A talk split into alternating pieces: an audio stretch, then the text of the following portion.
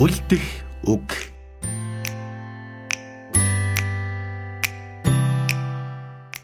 За манай тагтаа аюулын газраас хэрэглэн гаргадаг үлдэх үг утга зохиолын подкастны маань цоо шинэхэн дугаар сонсогчдод хүрж байна. За энэ удаагийн дугаард маань Монгол улсын соёлын гавь язуутгалтан орчуулагч, зохиолч, сэтгүүлч жигжид сүрэнгийн нэргүй ахыгаа урьсан байгаа. За тэгээ өнөөдөр нэргүй ахтай ярилцахаар надтай хамт яруу найрагч Ядам сүрэнгийн баяраа бас хамт байна ингээд сонсогчдтой бид нэрвэ ахын ойрын уран бүтээл за мөн орчуулгын талаар утга зохиолын талаар ариун найргийн талаар маш сонирхолтой сайхан яриа өрнүүлж сонсогчдод хүргэнэ гэж найдаж байна.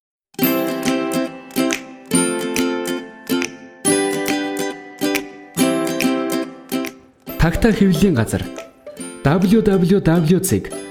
цэгийн утга зохиолын цахим хуудаснаас эргэлж байгаа Урлаг утга зохиолын тухай ярилцлага подкастт уншигч сонсогч таныг урьж байна.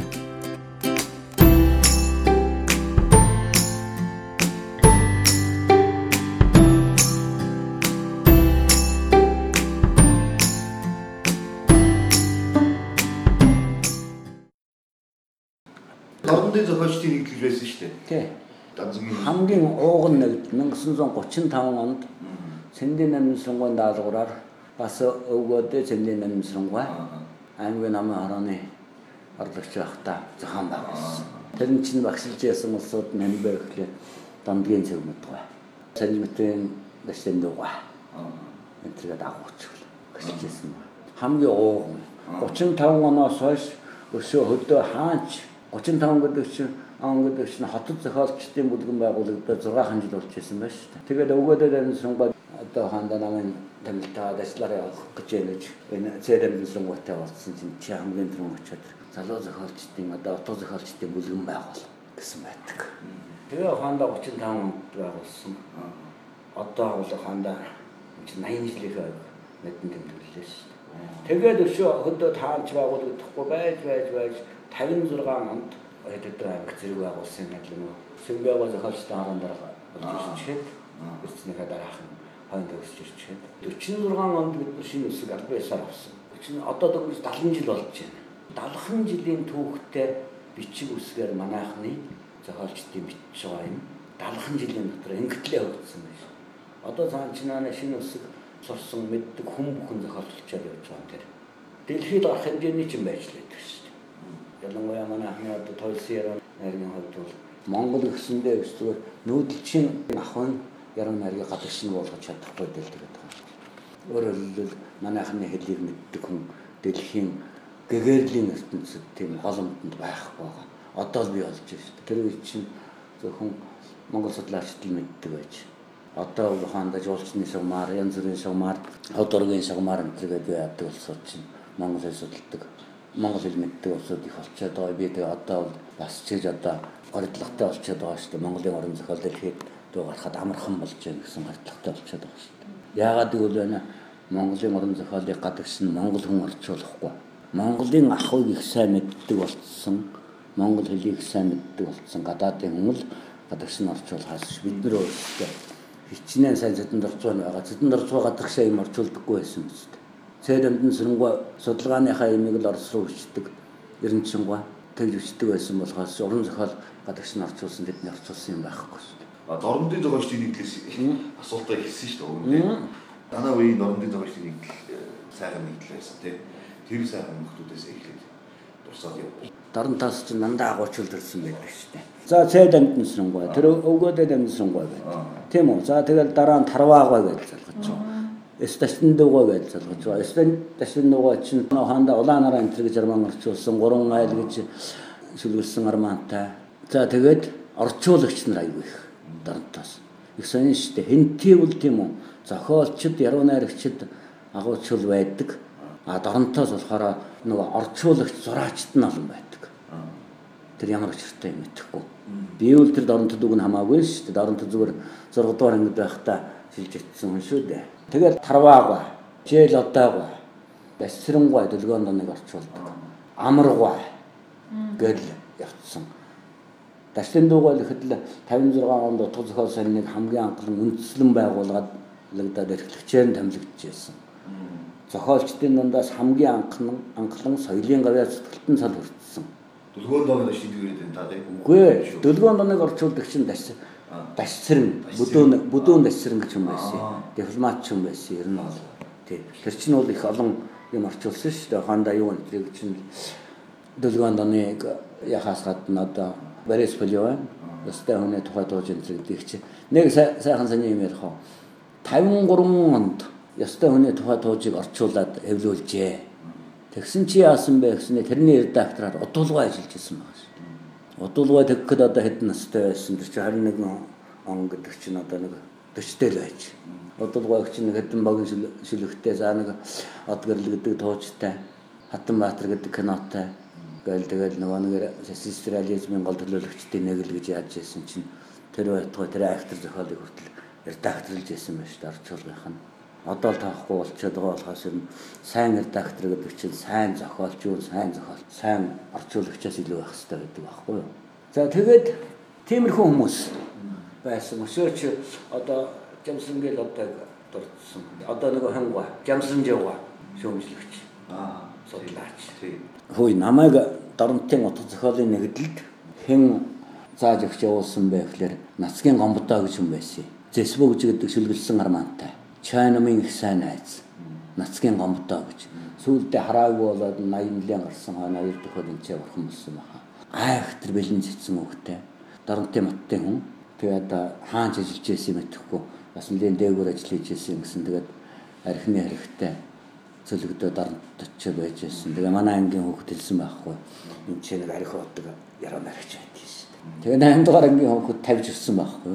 Тэгсэн чинь нэг намхан хараа хүн байна. Ачи хурцлээтэй өстө над цаг нөө эвлээгөөр шиг нүртэй. Тийм хүн байна.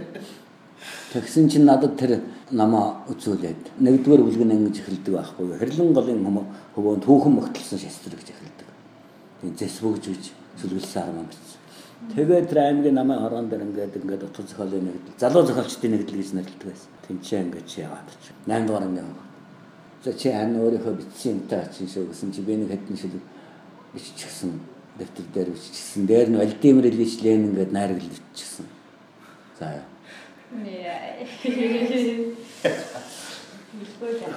Тэгээ тавиад төрлөө. Аа тэгсэн чинь нэг жоохоо юм шиг нэг жоохон орон тэдэн сахад залуучууд сууж байна да хариуцаад бас найтнаа өгцүүлж гисэн байжлаа.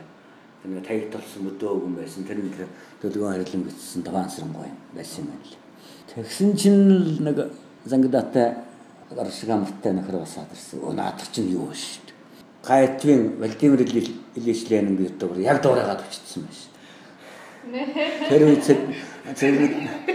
Сэрмэдийн гайтван Владимир Ильич Ленин дамжны сүбат тэгээд найрагдлууд гарцсан байсан байхгүй. Өө бүр том ном болоод тийм төстөр болсон. Түүх зөвөр яриа. Тэгсэн чинь үнэн сангийн сурвалжлагч Дашним гэж нэг өндөр залуу. Оо сайхан хөрмөр залуу. Тэр нэгдлээ эрхлэгч нэсэн. Өнөөрөө тийм шүү. Энэ миний өрөөнд тэр ном байж байгааг гоо тэл гараад явчлаа. Нөгөө Владимир Ильич Ленин гэдэг найраглагч дамжны сүбат гэдэг намтай бариад ороод ирлээ. Тэгэнгүүтэл ингэж эзэнгүүтэл бот авсан юм. Чи одоо хэрнэ одоо 8 дугаар ангийн хүүхэд байж ийм зүрхэлдэг нэгдэг. 2 дугаар чи одоо энэ том хүний үг одоо дураагаад ичсэн. Тэр нөгөө нэг загнаатай гар шиг хамгатай нөхөр нь одоогийн хөдөр мөнгө. Яа настай мэдээ энэ төр юм хичээд байдаг шүү дээ. Оо миний ч өстө хамгийн нэг бас. Аймгийн төв бараг орж үзээгүй. Би чи нөгөө нэг төмөр замын хонхорт сургууль байдаг. Би ч тэгэл ердөө нэг шалгалтайгээд гарцсан хон шиг явлаа. Тэгсэн чинь чи сууж юм сонсч болно шүү дээ гэсэн чи өө тэг хүнээс үлгээ сонсохтай. Хамаг өссөн. Тэгэл алгасан. Тэгэл дараа нь 8 төгсөд хойш сургуульд явцсан юм чинь. Яагаад босч ирээд тэгсэн чинь слэсэр болцсон. Бид нэг чинь төгсөд ирэхэд заавал слэсэрээс нэхлээ шүү дээ. Тэгчээд нэг нэг нөхөр шүлэг уншиж байсан. Нэг хүний шүлэг уншиж байгаа ч юм уу.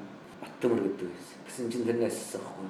Өчиг шүлэг үчт юм уу гэсэн чи би шүлэг үчт Үсэн чи одоо зохиолын нөгөө л ингэж байна уу гэсэн чинь байгаа. Яг нэг өрөөнд намайг дагуулаад явлаа. Оо тэгсэн чинь нэлээ хүмүүс мэд нэмэгч нөгөө нэг өдөр мөнгө гэдэг чинь бүр өстө атмаа болчихжээ. Тэгээд дашилбар л гэсэн үг. Тэгээд бас нэг шилгэн шаар хийсэн чинь байхгүй дээ одоо чи. Тэгээд хардалын тухай шилэг үтсэн байсан. Усан гоцны хар утаа гэж өчтсөн байсан чинь чи одоо тэр хар далайд хөвж яваа гоц одоо сайхан цагаан хөлгөөн гоц хар утаатай байхтай яа. Гүй чи утаатай байд юм а гэсэн чи тэрний заавал шүлгэнд оруулаад байхтай яа. За тэнцээ хэдэн хүмүүс энэ нэмэгч тэгсэн чи одоо энэ хон хэрэтийн а банзрагч байгаа гэж хэлсэн. Тэрэнт байсан юм байна. Сайхан хүн борол сахалтай боролдолготой сайхан хүн. Тэр нөгөө 47 онд зохиолчдын хөвлийн анх орол болоход их оролч гэдэг байсан юм ямар ч юм. Тэггэд энэ анхных нь гişүн байсан юм. Айгүй их надаа. Дандаа орсон.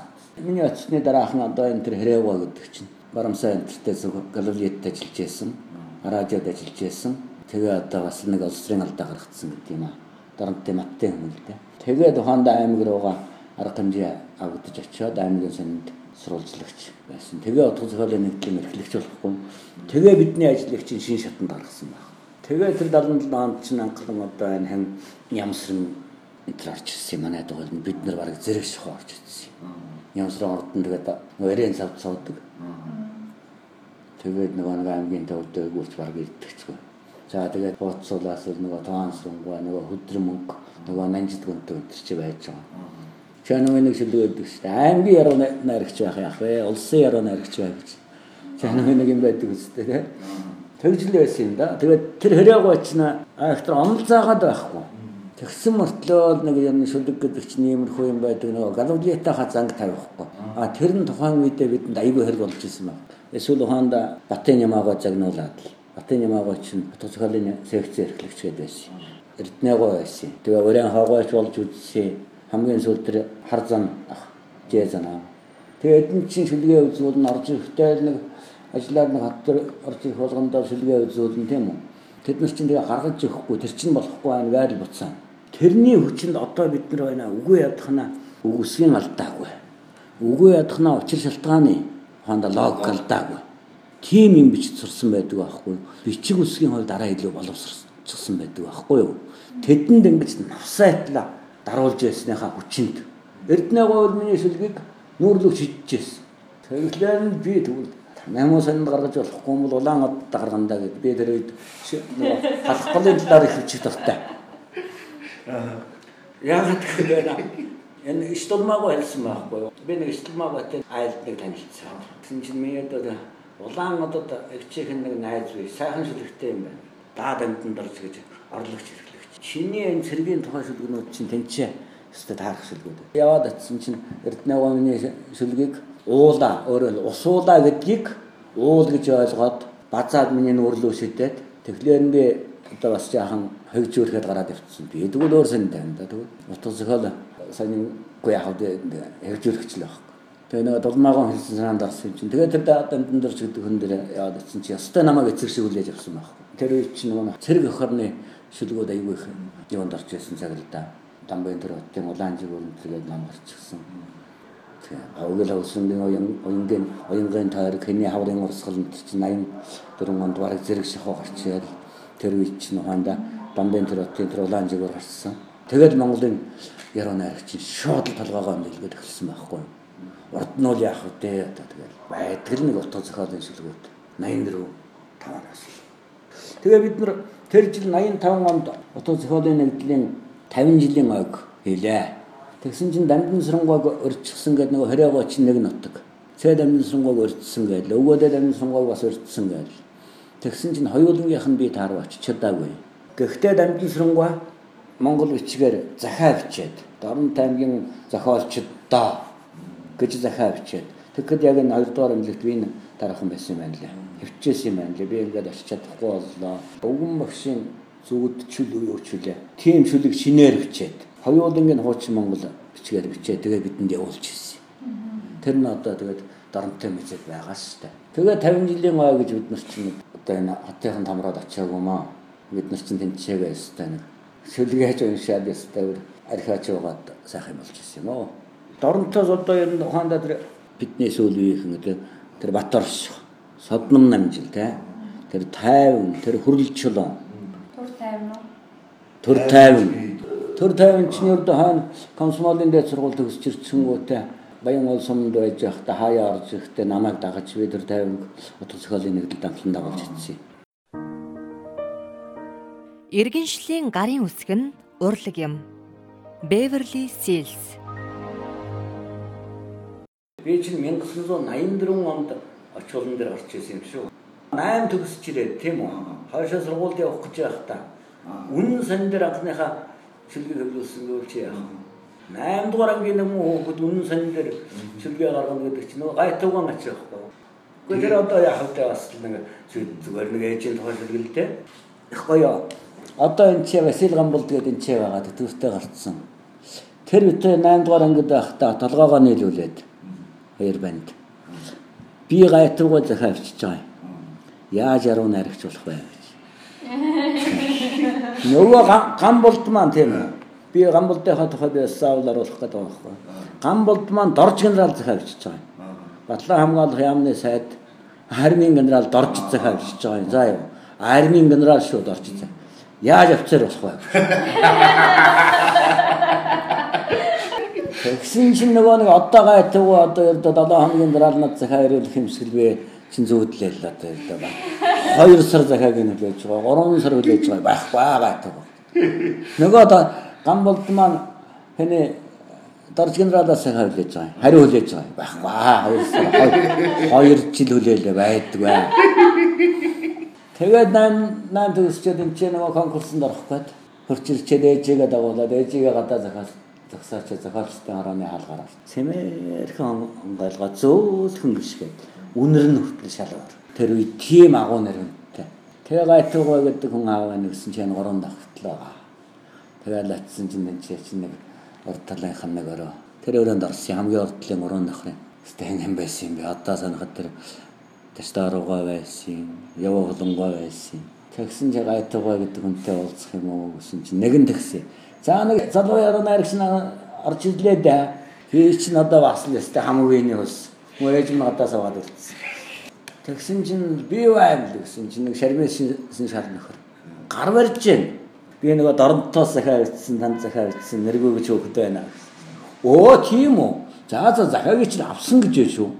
Оо шилгүүдээ үзүүл гэсэн бас л яах вэ нэг дэвтэр дээр нэг бахан шилгүүд яацлаа гэжсэн юм чинь. Тэгсэн чинь за үзэж үзэж үзэж. За над дээр чад яа. Гэсэн. Би хандаа ингээд ингээд хаашаа сургуульд явах гэж ирж байна. За за за. Над дээр чад яа. Гэрээ утас бичээ. За гэрээ утсыг нь бичээд авлаа. Тэгэл дууслаа. Тэр чинь хандаа би наадмаар ирээд сургуульд явах гэж. Тэгээ 9 сарын 27-нд хаашаа явж байгаа шүү дээ. Богоон цуусын. Тэгээд нэг өдөр Суваатрын төлбай дээр ээжтэйгээ хоёулаа Оо тэгээд айл хэсчил одоо таньдаг нутгийн таньдаг хамаатан садан гэж толгой харагдана л да тэр чинь сар гарны хугацаанд ээжтэйгээ маа ижмэл ажиллаас шилээд ирчихсэн. Суваатрын төлбай дээр нэх халуу өдөр ингээд сууж исэн чи хажуу талд нэг нөхөр үнэн саний уншаад сууж исэн. Тэр чулуун санал байсан шиг санагдав. Ингээд өнгөөгөө тарсан чинь утга зохиолын нүүр гарцсан байна. Дахиад нэг өнгөөгөө тарсан чинь ингээд юм нарийн баган дээр харсан чинь миний шүлгийн нэр байна шүү ээж минь багш гэсэн. Дор нь харсан чи яа харахгүй сурагч нэргөө гэж өчсөн 8-ын дэдгээр ангийн сурагч нэргөө гэж нэргөө гэж өчсөн. Хөө ахаа миний шүлэг гарчиж үзье гэсэн чинь. Оо тийм үү гэж. Үзүүлээд гэсэн чинь нөгөө ээжийн тухай шүлгийг наа тавьчихжээ. Бөө. Тэгсэн чинь их гоё юм ярих тэгээд. Тэр чинь 8 сарын 19-ний сард орцгоо. 1972 оны 8 сарын 19-ний сард орцгоо.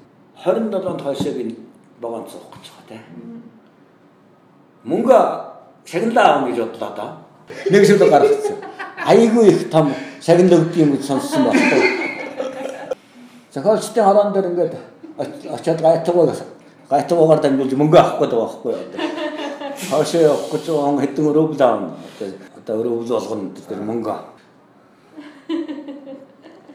Зохиолчдын хорон дээр яваад чи гайтуугаа байна уу гэсэн чи байхгүй аах наа.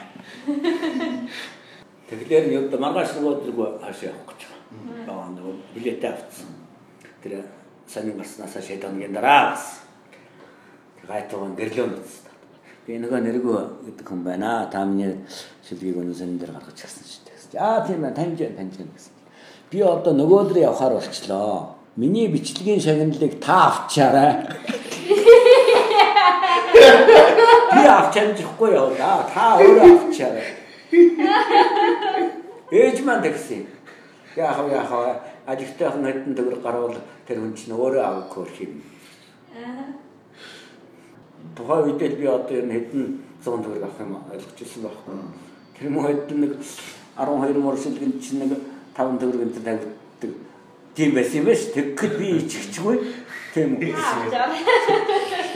Их том юм өгч байгаа юм шиг. Тэгээд 84 онд Дашдаа руугаа харин миний шүлгийг очуулан дорож гисэн шүү. 84 он гэдэг чи бас тэгээд ирэхээрээ би эртний хүн болж таарч байгаа. Таны анхны ном чинь Яруу найргийн ном тий. Хэдэн онд гарлаа? 84 онд гарлаа. 84 онд ханда тэр одон хорлоогоо гэж хүнтэй сайндаач гаргаагүй маа. Одон хорлоогоо өөрөө яагаад халах голын 45 жилийн байна. Зориулж. Тим нам гаргаад. Гэдэг цэ төмөн жиргад хоёр нэг тим нам энэ гаргасан юм. Цэ төмөн цэрэн толгын төмөн төмөн баяр гэдэг одоо энэ тий. Зөвхөн дараан дээр байдаг. Тэрнийг л яаж хийж. Тэгээ одон хорлоогоо л хөөсөлдөж ухаанда тэр үед аймгаас мөнгө гаргуулж голно. А зөвшөөрлөө энчээгээс авч. Тэгж одон хорлоогоо л хөөсөлж гаргасан юм.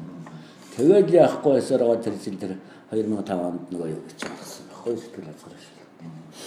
Оо би чи одоо ханда 79 оноос эхлээд орон руу миний мэтгэхээс тийм үү зохиолчд аягүй их очдөг болсон юм. Тэр хэрээг бол ухаанда татж байгаа нь тэр байхгүй юу? Тэр байтугай явуулын зөвлөгөөнийг Дорнот аймагт хийж ирсэн шүү дээ. Зохиолчдын хорооны нарийн бичгийн дарга нарын явуулын зөвлөгөө гэж хийж ирсэн. Хөдөөгийн зохиолч зохиолчдын бүтээлийг чанаржуулах талаар том тогтоол нэр гаргаж ирсэн шүү дээ. Ухаанда хэрээгон л очиж байхгүй юу? Тэр чинь байна тэр том зохиолчд очино гэдэг чинь бидэнд бол аягүй нөлөөтэй байхгүй юу? Оцоор нь сүлгээ үзүүлнэ. Тэгэхэд нэг юм хэлнэ. Тухайлбал чи нэг үгийг нэг мөрөө дор хаяад тав дахин үзчихвэ гэж. Тэр чинь бол нөгөө лабораторийн нууц гарч ирж байгаа байхгүй юу? Аман дотроо уншиж. Битсэн бадаг бүхний аман дотроо уншиж байна яаж хэлэгдэж байна вэ? Амн дотроо өөрөө уншиж. Манай нямсран бол бүр дүнгэр дангар уншдаг байсан. Бичиж байгаа дүнгэр дангар хийгээд тэлээгээ суулаад босдж пингрүүгээ орж хөөхтүүдээ зодчиход гарч ирэхдээ Дүнгэр дангар. тий гарч ирэхдээ л тэлээгээ бүсэлж байхдаа л дүнгэр дангар уншчлаа бошуухан шиг очоо ширээнийхээ ард суугаад нөгөө тийг дүнгэр дангар уншаад л эхэлнэ. Тэгжээж байна аманд наалддаг, хэлэнд наалддаг, сэтгэлд наалддаг. Тийм үү? Тийм учраас байна тэр шүлгүүд нь тийм сайхан зохистой уянгатай гардаг ч юм уу бөөм мэт шүү дээ. Тэр энтрийг чинь энэ хотоос ирсэн томчуулч нь доронтод очисон томчуулч бидэнд тиймэрхүү нарийн ширээ юмыг нь хамгийн гол нь өөрийн хэлж байгаа юмыг нь өөр юм болгож авах хэрэгтэй. Тэр логик алдаа гаргахгүй байх хэрэгтэй. Тийм үү? Тэр ухаандаа их яруу найргийн ариун чанар. Эрдэнэго намайг яагаад яасан бэ гэхээр чамгийн онс анхны шин дээрээс минь адраа очиж дэрэгдээс минь шингэнэ сэнгэнэж дундаа ганцхан дэрмэн тамдаж дун цааншид минь унад зүудлээ гэсэн чертнэго орлсон байхгүй. Тийм муу муу яраа юм яа. Гөөс болооч тэр чинь байна хойш залуухан амргууд салсан байхад чинь өшөө яаж зүудлэх юм бэ? Амраг маань алс явцсан байвал өшөө юу гэж зүудлэх юм бэ? гэж би урдаас нь харилсан. Тийм үү. Тэгээ эрднэго дараа нь тэр ил товчонд байхад ирж танилцчихад юу ил товчонд ирсэн хойноо танилцсан. Тэгээ бид хоёр их хампаа болсон, их хөдөө болсон.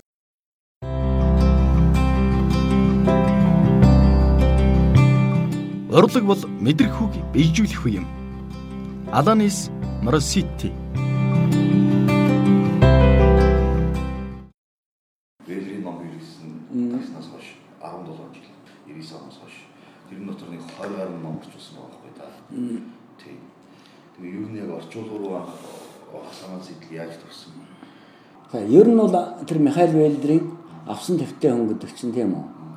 Шуугуулсан юм байхгүй юу? Тухайн үеийн зөвлөлт орныг өгүүлэлэг шугуу юм дээ. Ухаанда би боддгоо дээ. Хүүхэд байхдаа их сайхан шүлэг уншаад шүлэгчмээр дургуутдаг ч юм уу. Их сайхан дуудулж байгаа хүнийг сонсч чад их сайхан дуулдаг болох юмсан ч гэдэг юм уу.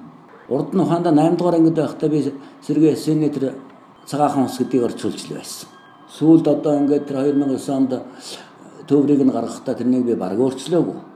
Бараг өөрчлөөгүй. Гэхдээ нөгөө нэг насны ухаарлаар үгнүүдийг солилцол байх л да. Сэргээ эсэнийг би хойно 77 оноос эхэлж би 72 оноос эхэлж өстэй 40 жил шаналсан. 40 жил шаналлаад яг суугаад өчигдөр тэр анхны төвөрөгч нь бол орчуулгын төвөрөгч ирд 10 хоногт л яасан шүү дээ. Гэхдээ би тэр 8 дугаар ангид байхдаа Сэргээ Эсенийг уншичаад сайхан орчуулагч болох юмсан гэж бодоагүй. Тэр Михаил Вэллерийн авсан тавтай хүн гэдгийг тэр чинь огнёг сэтгүүл дээр гарсан баха. Тэрнийг яачаал за энийг өстө заавалчгүй монголчууд унших хэрэгтэй. Ийм юм л ингэж биччихэж л манай зохиолч нар олигтой болно шүү дээ гэж. Би ч бас хойно байхдаа янз бүрийн юм уншаад ирчихсэн. Жаахан ухаан задрахгүй юм хэд зохиол гэж нэг иймэрхүү юм байх хэвээр. Ямар сайн да тэр донцгаанчд нь унц зүуднэ гэж чөлөвч яах вэ тийм үү? Тэгээд энэ хүн ямар задгаа бичдэг юм бэ? Тийм үү? Ямар зоригтой бичдэг юм бэ? гэж ингэж бас бичдэг зохиолч байх нь байна шүү. Би энэ тэр чанкны юм дээр өмнө хүүгэн дээр бичсэн байгаа. Иван Денисович нэг өдрийг би тэр машинаар зогсон хувилбарыг уншиж ирсэн. Тэр чин тухайн үед нөгөө нэг нэг хүн над дээр шүтсэн байгаа ш. Унссан хүн бичгийн машин 4% зохиод 4 хүн тараана. Дараа чин чи тухайлбал надаас бичгийн машинаар авсан бол дахиад 4% зохиод дахиад 4 хүн гэдэг. Тэгж тардаг байхгүй юу? Тэрүүгээр тэр чин гадаадынханд бол уншуулсгүй юм шүү дээ. Тэгсэн чинь миний нэг найз над уран зохиол сонирхдаг гэхлээр юу ажилласан байхгүй юу. Иван Денисович нэг өдрийг чинь би тэр үйлдвэрийн дадлага хийж явахдаа тийм нэг оюутан над тогч уншуулж байсан. Тэр чинь бол зүгээр нэг тухайн үед нэг мунаар хүргэсэн нэг мөн зовлон шаналлаа шаналлаа битсэн тийм л юм байсан. Тийм үү? Одоо ч гэсэн би тэр хэнийг бол нэг тийм тоохгүй. Иван Денисович нэг өдрийг Тэр чинь тийм задгай бичлэг байхгүй яг. Нуу чааж байсан юмыг л хөөрнсөн, дамжуулсан юм болохоор сүтийн биш шүү дээ шалаан өвч гэсэн ялгаа байхгүй. Зохиолыг ер нь тийм үү зөв уншиж сурах хэрэгтэй. Зөв ойлгож сурах хэрэгтэй. Тэгснийхээ дараа өөрөө зөв бичиж сурах хэрэгтэй. Зохиолыг зөв бичнэ гэдэг чинь ямар стилд, ямар төрлөөр, ямар маягаар ч гэдэг юм уу, яаж бичих вэ гэдэг юм байна шүү дээ. А гэтэл байна тэр авсан тавтай хүн гэдэг чинь тийм үү? Тэр чинь шал онцгой юм байдаг байхгүй. Мэдээжийн хэрэг тэр үеийн орчуулгаас одоо ингээд би тэр чинь 30 хэдтэй би орчуулж байна. Тэр чинь норд байхдаа орчуулсан юм би ер нь бол. Бас нэг орчуулга хийх түлхэц юу болсон бэ гэхээр томоо гэд байсан.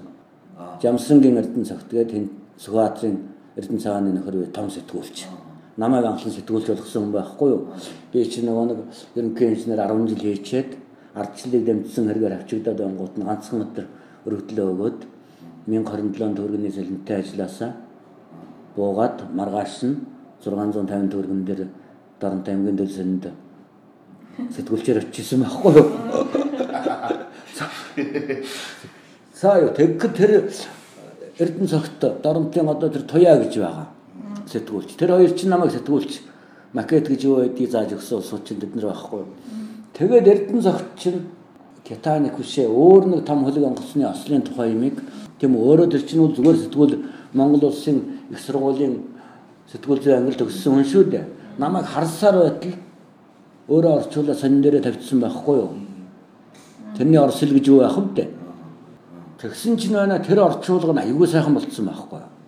Тэгэхээр энэ муу эрдэнэ цагтыг цагт орчуулж байхад би нь яагаад орчуулж чаддгүй юм гингүүтээ тэр хүснэртэй нэг саад байсан байхгүй юу нэг шин тий Цэвэр атаарч Үгүй нэг цагаан атаа гэж нэг юм байдаг шүү дээ. Цагаан атаа хон сураа сургууль сураагүй хөөхд ингэж орчуулж байхад би яагаад чаддгүй юм гээд түлхэц болсон байна. Цаад зохиол нь сайн зохиол байх хэрэгтэй байхгүй юу? Онцгой. Бие ухаандаа ялангуяа тэгээд дандаа онцгой юмд ярил хэлж явдгийг хэлэх үү. Орчуулга биш. Ер нь уушээ бүтээл тийм уран зохиол. Орчуулагч байла, зохиолч, шүлгөөрийн юуч байла тосон дээгүүр гулгаж байгаа юм шиг явах хэрэгтэй байдаг. Манай ардын дууны үг яахлаарэ тийм сайхан байдаг. Тосон дээгүүр гулгаж, мөсөн дээгүүр биш шүү. Тосон дээгүүр гулгаж байгаа юм шиг сайхан байдгийн учир нь тэр. Сэтгэлээсээ хийх юм тийм байдаг. За чи тэгээд нэг актер хэлж яана харин юу угаасаа зохиолчийн нэр чи үлддэггүй юм шүү дээ. Чи Эрдэмтэн Дэвүүлийн толгойг хэн орчуулсныг чи мэдэх үү? За тэгвэл Морин усан толгойг хүнийг хэн орчуулсныг чи мэдэх үү? Ингэдэг л байхгүй юу? Дээл одоо дам гэж хүн орчуулсан. Ингэдэг л манайхан байна хөөс Пушкины зохиолыг орчуулсан хүнийг юу Монгол дээр уншичаад сайхан зохиолыг Монгол дээр уншичаад тийм үү? Пушкин өөрөө монголоор ингэж сайхан бичсэн юм шиг боддог улсууд байхгүй юу? Манай монголчууд орчуулгын зохиолыг үнэлж мэддэггүй юм. Үнэлнэ гэдэг чинь нэг өөр. Тийм үү? Нэргүйд гавья соёлын гавья зүтгэлтэн өгч байгаа чинь нэг юм байгаа юм. За юу? А уншигчд дамжинсрангуун нөгөө нэг орчуулгаар цээжлэн гэдэг чинь тэр соёлын гавьяатын шагналаас шал өөр юм байхгүй юу? Аль эсвэл байна миний Дагестаныг Мишгийн сэдэнд орж соёлын гавьяас зүтгэлтэн байтугай сайн бичээч гэсэн тэмдэг байхгүй. Гэхдээ миний Дагестаныг уншихад чинь бол байна цаад нөгөө гадаад нэрүүдийг нь аваад хайчаад Монгол хүн бичсэн юм шиг санагдаад байдгийн учир нь юу юм бэ? Эсвэл байна тэр хятадын одоо хондоо нөгөө нэг салхин сарны үлгэрүүд биш шүү дээ. Тийм үү? Тэдгүүгийн гайхамшиг цаахан. Тэрнийг яхад хятад нэрнүүдийг нь аваад хайчаад тийм үү? Яг Монгол хүн бичсэн байдаг юм шиг уншигдгийн учир нь юу юм бэ? Тэ? А гэтэл зохиолч эгэн Арсул Гамзатай өөрөө монголоор бичсэн юм шиг манайхан боддог. Осиндовский өөрөө монголоор ингээд бичсэн юм шиг тэр байхгүй үгийг цасны цай гэдэг үгийг Осиндовский бодоод олдсон юм шиг. Мордын туурайд цасны шажигнаад энэ гэж гардаг шүү дээ. Цай гэж юу байдığım бэ гэж хүмүүс суугаад байдаг. Осиндовский өөрөө бодоод тэр үгийг сонгоод тавьчихсан юм шиг манайхан ойлгодог. Тийм учраас манайд орчуулагч нь үлддэггүй байхгүй юу? Манайд. А жинхэнэ соёлтой оронд бол тийм үү? Сайн орчуулагчийг сайн зохиолчоос илүү гэж үздэг. Учир нь юу вэ гэхээр цаад хэл дээр бичигдсэн юмыг нааш нь орчуулна гэдэг чинь заавалчгүй сайн юмыг нь олж орчуулах хэрэгтэй тийм үү? Тэгвэл тэр үндэстэндээ гайхагдчихсан өшөө хэд хэдэн орон дамжаад гайхагдчихсан 14 улсын хэл дээр орчуулагчсан нэг юм гэж бодъё тухайлбал тийм үү? Тэгээд тэнцээ үнэлэгдсэн юмыг энчээ үнэлэгдэл нь буулгана гэдэг чинь зохиолчийн үүрэг байхгүй. Нэг орчуулагчийн үүрэг.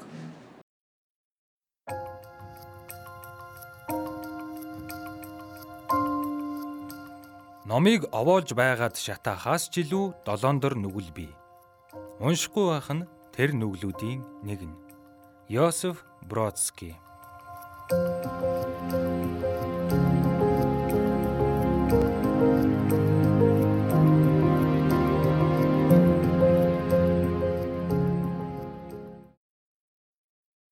орж тийм ээ.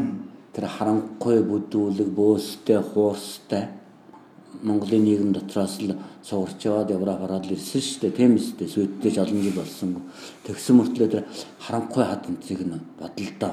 Тэр гэлбэрийн хатанг чинь нацагдарж орчуулсан байдаг үстэй. Аа? Пүүшгний аа. Тэр харанхуй хат чинь бол одоо алтан сохоныг нь аюулгүй хөнсөн мэдчихэж байгаа шүү. Одоо ингэж насдаж ямар аяас байсан мэддэг баг. Бас л гайг орчуулах шүү. 31 хэн настай. Аа? 31 настай. Маний үе шүү дээ одоо. Хөөш. Аа? Маний үе. Яасан их зовлон Гэхдээ тууссан. би боддгийн шүү дээ. Нэг юм уу хэн чин одоо бас 31 хэн наснда хувьсгал хийгээд өгсөн сүхаад чинь. Нөгөө нацрал бол чин дэлхийн орон зохиол гэж юм байдгийн гэдгийг ерөнхийдөө монголоор нь харуулчаад монгол хэл дээр харуулчаад тэгээ орчуулгын ч гэсэн актер тий. Жинхэнэ нөгөө алтан зогч бол тосон дээр болгоно гэдэг чинь дээ. Юмыг байна шүтэн болгоно гэдэг чинь одоо өнөөдөр Монголын нийгэм шүтэн байхгүй. Баатар. Хүн байхгүй шүү дээ тийм биз дээ. Тийм болохоор Монголын нийгэм альныгаа чадахгүй байгаа. Эвэрлээ эвэрлүүгээ цохилдсон цохилдсон өхөр ингээд тест талгаагаас эксрей цэд болдог шиг тийм болцсон яхаа мэдхгүй мангаач. Ард түмний өстө 100% хайрыг нь авч байгаа хүлээж байгаа хүн байхгүй. Юун чинь нэг оюун санааны өдөртөгч гэж байх хэвээр. Ардчлал угаасаа тийм юм л да. Таны орчуулгын сонголтууд бусдаас их өөрмөц байдаг. Одоо янз бүрийн. Монголын холбоотой аян замын тэмдэглүүд ч юм уу эсвэл одоо яруу найргийн орчуулагч гэсэн. Одоо жишээлбэл ингэсэн аахгүй нэг аа хөөрхий нөгөө айгуу мундаг удирдахч байж байгаа л хэм блэ? Садам гэсэн. Тэг за, би гэж байгаа л Америкийн зэрэг ороод баг нохоо өвчлөр өвлөө шүү. 2006 оны 8 сард би орчуулд дуусаад. За би баахан. 2006 оны 8 сард орчуулд дуусаад оо энэ юунуудаар явчваа. Хэвлүүлэх гэ. Японд нэг шүлгэлсэн арман нэрлэгдсэн. А би урд нь бол Саддам Хусейн зохиол бичдэг юм сонссон. А тэгээд тухайд улс төрийн талаар эсэргүүцэхэд нь Саддам Хусейн хүнээр бичүүлчихэд өөрөө өөрийнхөө нэрийг тавьдгиймаа гэж тийм ойлголт өгдөг байсан зөв хонд Оросын Америкийн өндөр хэвлэлүүд чинь. Тэгсэн чинь Америкт нэг биш Японд нэг шүлгэлсэн арман хэвлэгдсэн. Намайг орчуулад эхэлсэн хойно энэ Забиба хаан хоёр гэдэг чинь яг өөрийнх нь амьдралын зөв өөрийнхөө амьдралыг бичсэн ч үү дээ. Хайр сэтгэлийг төр барих ухаантай уучаад холбочихсон, сүлжээд хийчихсэн. Дорны ухаанаар сүлжээд хийсэн. Тэгээд хязгааны мөнгө байхгүй гэж. Яг тэр чи ажилгүй болцсон үе. 2005 оноос ерөнхийдөө миний чинь нэг гурван хөлн байсан. Кремлийн эзэгтэй энэ авсан дэвтэй хүн нөгөө Асандовский. Энэ гурван байсан. Тэгээд л ердөө энэ намын ажил хийж байгаа гэдэл улс төрийгээ солиороод ларихугаад. Тэгээ 2005 онд нөгөө инх сайхныг өмөрсөн хэрэгээр намаас хөвгдөөд ажилгүй суухтаа аймагрын капитализмыг өмөрхөс эхэлсэн байхгүй юу. Тийм ер нь тэгээд дөрөвчигтэй уйлдуулаад ярихад үгүй энэ над шиг хазгар доглон тамиг татхаарыг хуухаас юм хийж чаддгүй хүн. Тийм үү зүгээр яах вэ? Цаг засаж чадна.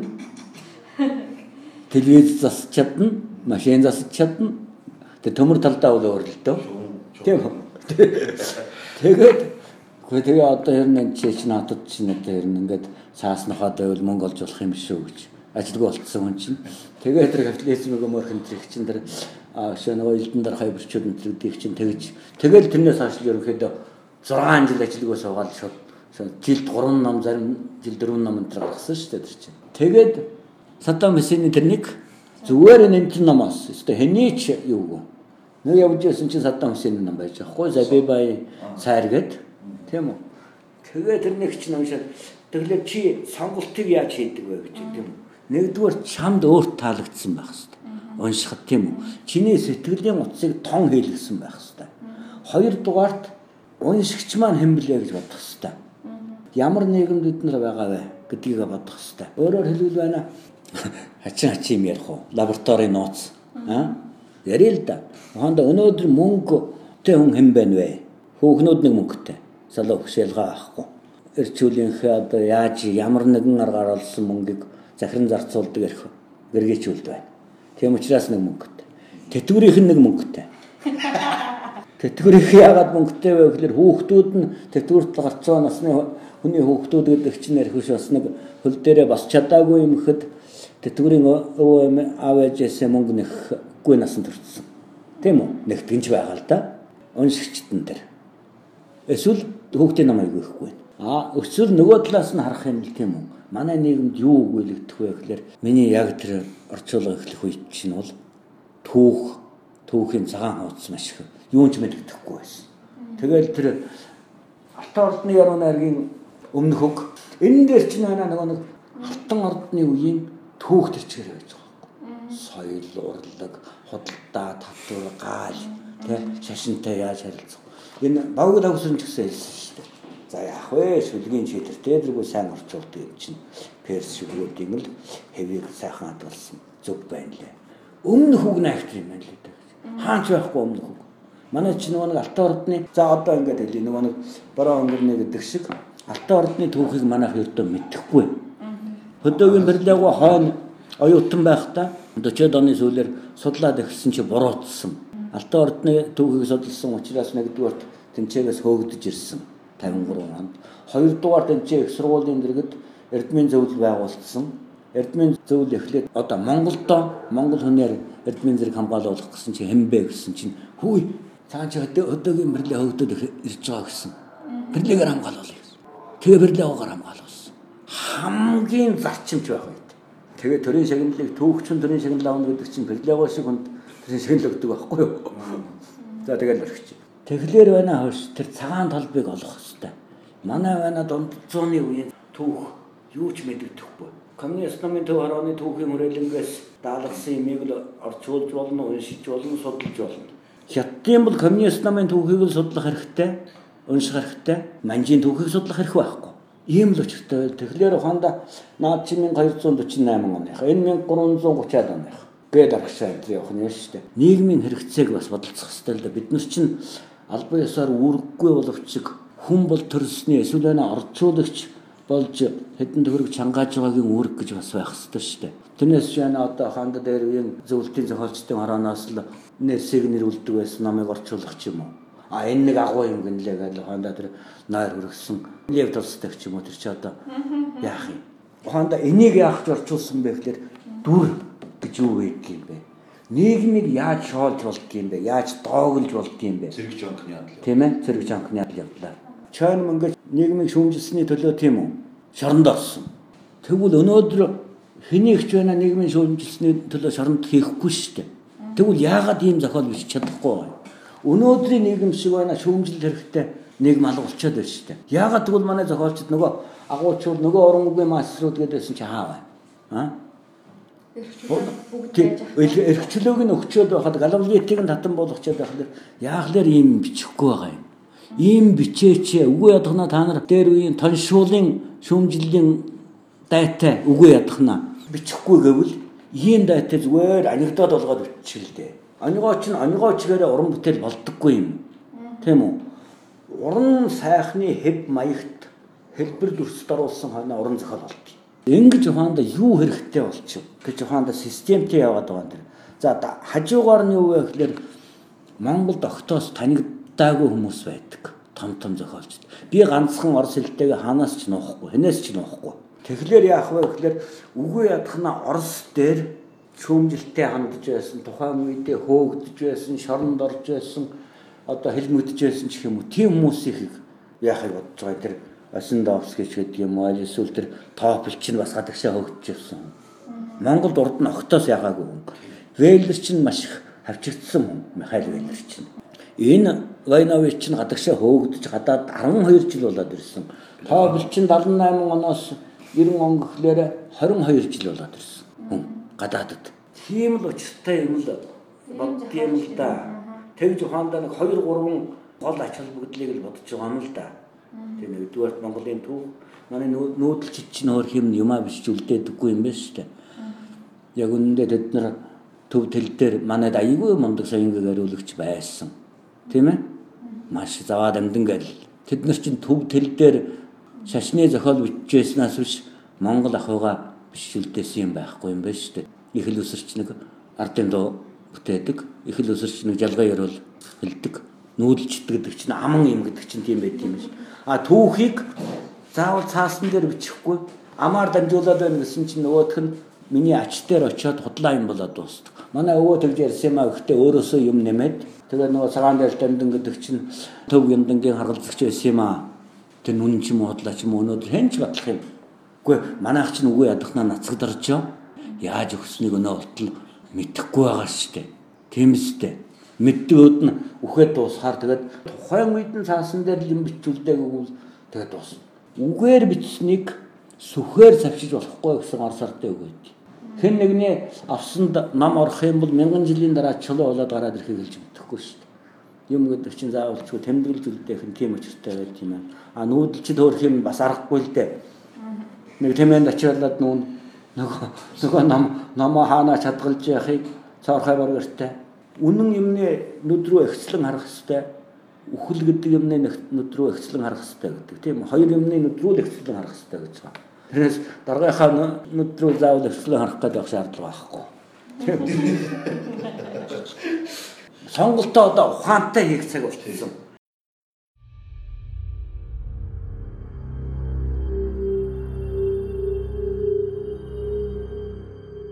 Би эцэст нь өөрийн шашнаа олсон билээ. Ном миний шашин, номын сан миний сүм хийд болсон. Жан Пол Сартр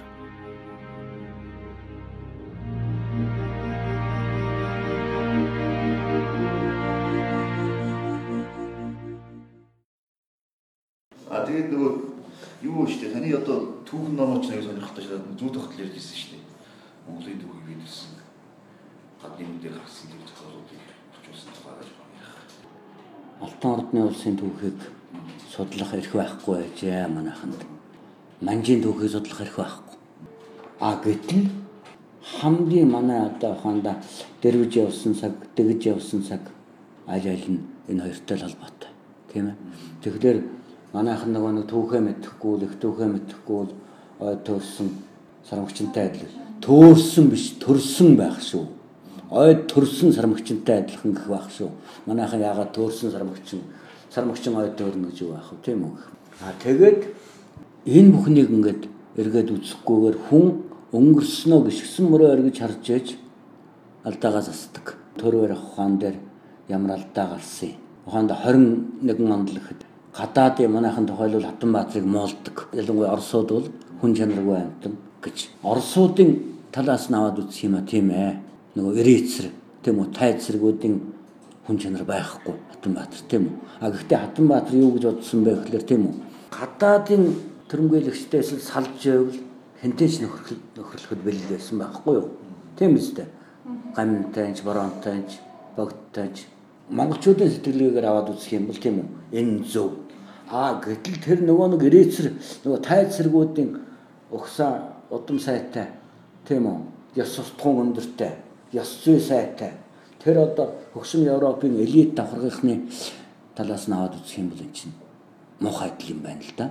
Ханилж явсан нөхрөө яачдаг. Угаанда одоо Бакечиг үл юу гэсэн бэ гэхээр Хатанбаатар гэсэн. Бакеч генерал юу гэсэн 3000 зэрэгтэйгээ олзлогдсон. Бүсэлтэнд орсон тийм үү? Хатанбаатартай бол би хэлцээр хийж болно гэсэн. Хатанбаатар чинь нэр хүн шиг байдгийг Хатанбаатартай би хэлцээр хийлдэ гэсэн. Хэлцээр хийгээд ингэсэн. За миний 16 офицер байгаа. Миний аим хамаа байхгүй.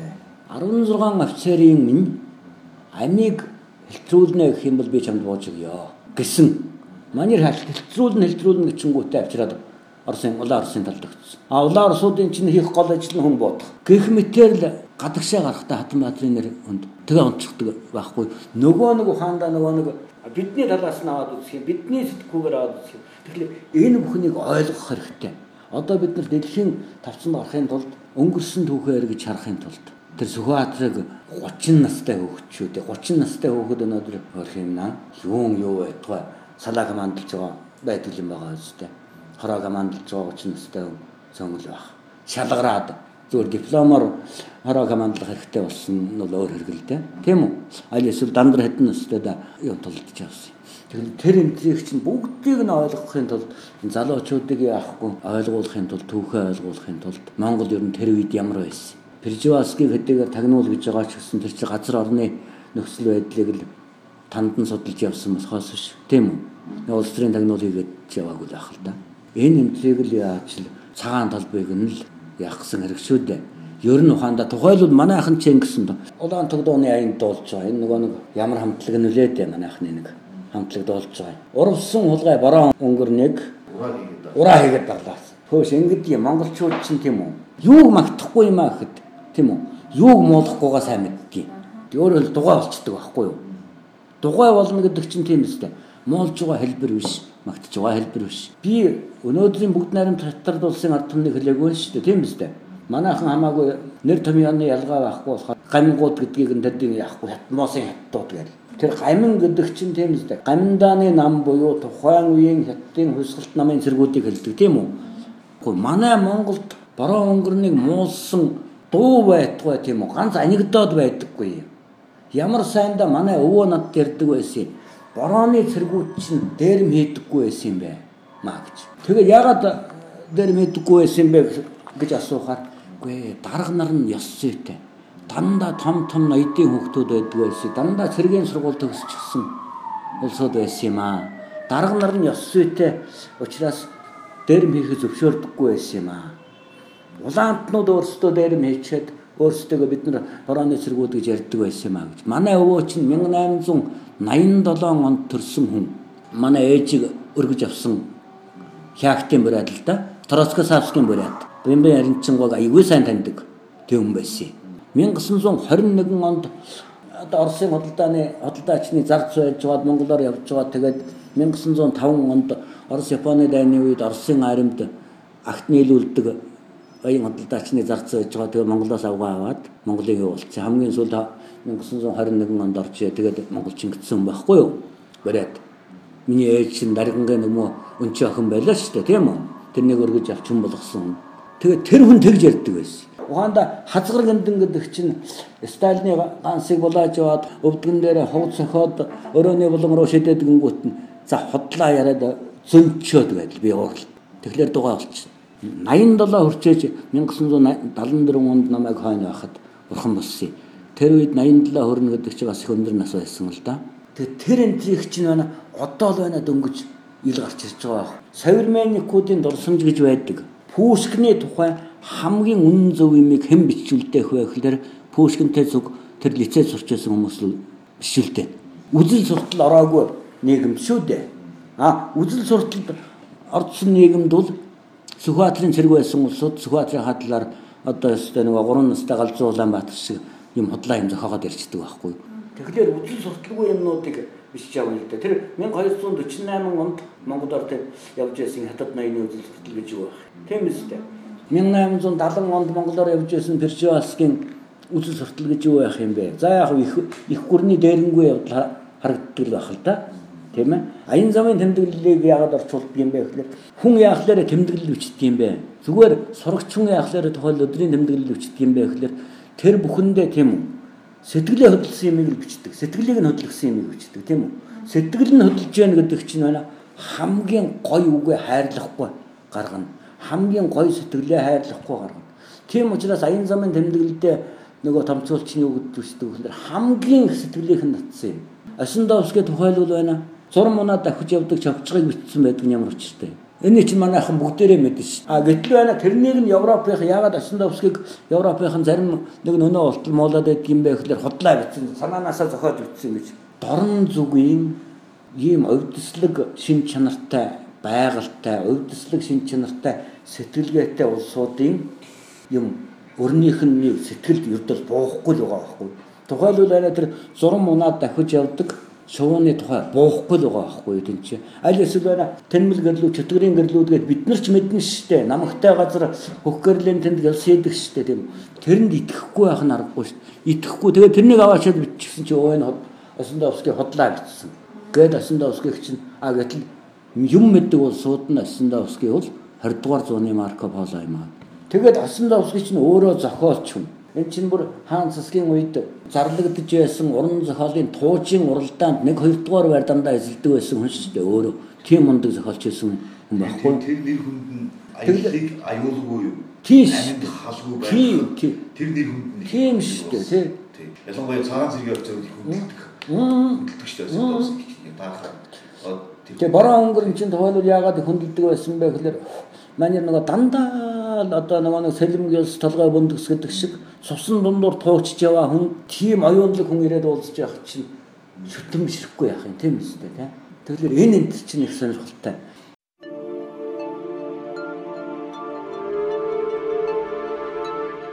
Зугаацах гэж, сургамж авах гэж, мундаг болох гэж бүү унш. Амьдрах гэж унш. Густав Флавер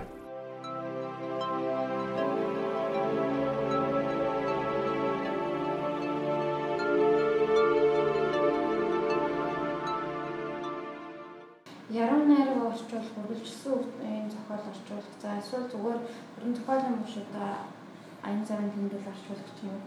Ер нь ялгаа нь Яруу найраг орчуулах хамгийн амархан шүү дээ. Амархан. Тийм. Онгодоор бичигдсэн юмыг тэгээ сэтгэл хөдлөл онгодоор л явуулах юм л да. Тийм ээ. Яруу найргийн орчуулгыг тэтгэврт гарчаад эхэлдэггүй юм. Тэр хүн сайн хэлтэй бол дурсамжийн намыг 60 байтгай 70 настайд орчуулга хийж болно. За юу. Надтай тохиолдол ямар явдан тохиолдсон бэ гэхээр тийм үү. Ноднингийн алтан өд дээр нас нь нэлээд явцсан улсууд яруу найргийн орчуулга шинээр хийгээд тэрнийг айгүй сайн боллоо. Намайг яагаад алтан өд байрлуулсан бүүгүй гэж их гомдол ирсэн. Олон үг хайцгааж байна лээ. Тэртээ тэргүү та нар хятадаас мөнгө авсан. Хятадын орчуулгыг байрлууллаа гэж юм лээ. Тэ. Тэгдэггүй юм аа. Яруу найргийн орчуулгыг 60 наснда эхэлдэггүй. 16 тадаа эхэлдэг. Зүгээр үргэлжилсэн үгийн зохиолыг чи 80 настайдаа ч хийж болно. Яруу найргийн орчуулгыг чи онгодоор хийдэг. Онгод нь орохгүй юм гээд залуудаа хийгээд дасчихсан орцсон, туршлагачсан, мэрэгчсэн байх хэрэгтэй. Тийм хүн гэдгийг. Тэр саамчин сэргээс нэг чамаас л орчуулсан гэж өнгөрдөг өгцөл зөндөө бий. Тэгдэггүй юм аа. Яг үсэг өрдсөн байдгийг. Шүлэг болоогүй байдгийг. А гэтэл хэнгуй 70 гарцсан наснда яагаад тийм агуу орчуулж байгаа юм бэ гэхээр одоо хам багш дондог багш хар залуугаас пүүшкнийг орчуулж ирсэн юм байна. Пүүшкний ихэнх том юмнууд чинь дондоггүй эсвэл дондоггүй орчуулсан эсвэл оролцоотой. Тэр хүн чинь биологийн л багш шүү дээ. Химийн багш юм уу? Химийн багш. Тийм үү? Тэгдэг байхгүй юу? А гэтэл байна тэтгэврт гарцсан хойно яруу найраг орчуулна гэдэг чинь үл зүгээр л 16 таа хүүхэн эргүүлж байгаатай адилхан л байхгүй. Гүй яг тэр чинь л үчээр. За тэтгэврүүдийг юм болоод 17 таа юм шүү. Ер нь уушаа ямар аливаа зохиолыг хамгийн сайн ойлгодог нэгдүгээр өөрөө зохиолч нь тийм үү? Хоёрдугаар орчуулагч нь байдаг. Ялангуяа орчуулагч нь илүү ойлгодог. Зохиол аюу агуу юм хийчээ тэрнийгээ мэдэхгүй хүн байдаг. Өөрийнхөө агууг нөгөө галсан сүх шиг галсан сүхийн урсгал зайлшгүй Монголын шинэ яруу найрагт хэрэгтэй байсан. Тийм үү? Зайлшгүй хэрэгтэй байсан шүү дээ. Тэрнээс хондоо энэ модернизмын тийм нэг жижиг сажиг юмнууд бол манай юм цухалцдаг байсан тийм үү? Тий. Нэг үеиг бодоход орчуулгын ном, орчуулгын уран зохиол, за янз бүрийн маш ихээр орчуулж гардаг. Тэр нь болохоор алдаатай оноотой янз бүр байдаг. Та тэрийг бас харж байгаа. Энэ орчуулагчийн хөдөлмөр гэдэг өөрөө юм нарийн дэг юутэй нууцтай байдгүй. Ер нь таны лабораторийн нууц руу хөрвүүлдэг Аа. Тэгэхээр лабораторийнхаа нууцыг битгий задлж бай гэсэн бичигдээгүй хөл байдаг. Тэр байтугай жүжигчний лабораторийн нууц ч гэж байдаг, найруулагч ингэж байдаг. Нэг л сайхан юм гарцсан байдаг. Тэг яаж жүжигчнийг өдөрт хараа тийм гарцсан байдгийг гэдэг чих нууц байдгийг гинлээ. Тэгэхээр вэч тэрнийг бас нууж явах хэрэгтэй юм гэсэн тийм бас юу л да. А гэтэл манай монголчууд чинь бол тийм яахгүй шүү дээ. Ялангуяа хүн насаа явах тусам лабораторийн байтугай амьдралын зөв амьдрах, зөв гიშгэх хамаг нууцаа өр хөөгттэй байтугай нутаг усныхаа залуучуудад зааж өгдөг юу байдаг шүү дээ. А надад нууц гэдэг байх юм байхгүй. Хамгийн гол нь яах вэ гэхээр орчуулах шиг за чи тэр нэг тэртээ зүг мэдчих. Хамгийн ганцаарчлсан уран бүтээл байхгүй. Орчуулах шиг хамгийн их ганцаардсан уран бүтээл ганцаарчилсан уран бүтээл тэр байдаг. Шүлэг үл ёстой архины ардч тамхины ардч шүлгийн мөрөд орж ирдэг. Тэгээд хэлчихсэний чинь ингээд хэлчихээ яасан юм. Тэгээд хажуунаас найз найз нөхөдтэй уншиж өгөхөд мөр засах юм зөндөө байдаг. Үгүй ядахна орчуулгын талаар шүүмж гардаггүй. Зүгээр яа хавтаа ер нь бас намтай соёлтой юунд бол орчуулгын шүүмж тусдаа төрөл байдаг. Орчуулгын судлал орчуулгын хэл судлал? Аа энийг нэ? Умберто Эко. Аа да. Юу Италийн руу Монте Кристо болсон хөрөлдрүүд байдаг юм хооронд харьцуулж манай дүүл яасан бэ гэхээр нэг орчуулах хэдэнгээ дахингон чөлөө юу байгаа эренчингой бас жаахан төрдлийн юм хэлжсэн одоо ч нь бол хүнд юм хэлэх хэцүү болсон цаг шүү дээ. Тий хүм эрдэмтэн бүхэн өөрийгөө дамжин сэрнгээд бодчихсон тийм ээ Яруу найрагч хүн өөрийгөө яв болон гэд бодчихсон зохиолч хүн өөрийгөө Жеф рүү гэд бодчихсон юм шүү дээ. Тэгэхээр яах вэ гэхээр миний санахад бол тийм үү. Миний нууц гэдэг байх юм. Өөрийгөө бүрэн тасалдаг. Нэг өрөөндөө орж аваад тамхиад аюул сайн бэлдэж аваад тэгэл суучдаг. Тэр чигээр хондоо энэ харин хуудсыг өнөөшин заавал дуусгах хэрэгтэй гэж үзвэл тэрнийгээ дуусгаснаас унтахгүй боддог. Ер нь орчуулгыг ингэдэг хүн зохиол үтчихэд гацчаад байна. Ингээ 6 сараарч гацчихсан арман хайцсан зүг байдаг. Арман байтгаа өгүүлгээ хайцсан. А орчуулагч нь би хүний имийг дамжуулж байгаа учраас тэгж хаях хэрэггүй нь юу байдаг вэ гэхээр нэг ухаанда нэр томьёог. Тийм үү? Тэгвэл анзаарахгүй гэсэн үгийг тийм үү? Дахин дахин хэрэглэх нөхцөлд анзаарахгүй гэсэн үгээл хэрэглэхгүй бол болдоггүй. А гэтэл тэрнийг чинь ингээд хэдэн сар хайчих юм бол эргээд тэрнийгээ мартчихад өөр үг хэрэгэлсэн байдаг байхгүй. Тэгэхээр нөгөө зохиолын чинь хамт шинтнал болсон. Тэгэхээр орчуулгыг бол ер нь тасралтгүй сууж байгаа л дундуур нь өөр юм оруулахгүйгээр тасралтгүй сууж байгаад яахгүй тэр нөгөө нэг стил нь хадгалагдахгүй. Тийм үү? Тэр хүүрнэлийн өнгө айс нь хадгалагддаггүй. Тийм үү? Тоол одоо ханда тооплыг орчуулж ясна дундуур нь хондоо энийг аваад орчуул Вайновичиг аваад орчуулчих юм бол энэ аюул чинь шал өөр стил юм тийм ээ. Тэгэхээр Вайновичийн өнгө айс ороод ирэх шинжтэй. Хүүрнэлийн өнгө айс гэдэг чинь шүлгийн аялгатай адилхан шүү дээ. Тийм байдаг. Тэгэхээр хүний юмыг тэгээд яачаар нөгөө зохиолын чинь ол улаан судсан тасарчихдаг. Тэгэхээр нэгдүгээр тасралтгүй байх хэрэгтэй. Би тухайлбал Атлантын нуруу тэнэгийг яаж явахдаа шөндө 2хан цаг унтдаг байсан. Авгаа өглөө 8 цагт 5 шараас хичээлд нөгөө хичээл заах гээд наашаа ирнэ. Тэгэхэд бол 6 цагт болсон тийм үү? Би цуг болсон авгаас ирж байгаа юм чинь үгүй ядах нэг цагийн чанж өгөхгүй юм гээд хажууд нэг юм сүйтэгээ сууж ивэл үний чинь ханд хүн ажилдаа явахдаа баяртай явах хэвээр орой гэртээ эрэхтэй баяртай ирэх хэвээр тэр цагт аз жаргал гэж байгаа шүү дээ. Тэр чинь 40 хэдэн шашмад нам заах гээд орж байгаа. Хүн тийм үстэй.